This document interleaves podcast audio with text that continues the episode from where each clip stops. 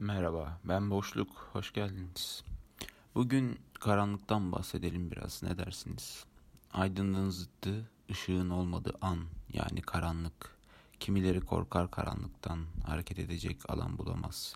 Ne yapsa fayda etmez, yutar onu karanlık çıkamaz. Bazısı sever karanlığı ya da karanlıkta olmayı. Öyle rahat eder. Belki de alışmıştır, normal gelir ona korkularımızı, kabuslarımızı, yalnızlığımızı saklayabileceğimiz bir yerdir karanlık. Onun kuytularında saklarız. Duvarlarımın arkasında sonsuz bir karanlıkta köşeye çekilip oturuyorum. Daha çok rahatlatıyor açıkçası beni. Çünkü tek başıma kalıyorum sonsuz karanlıkta.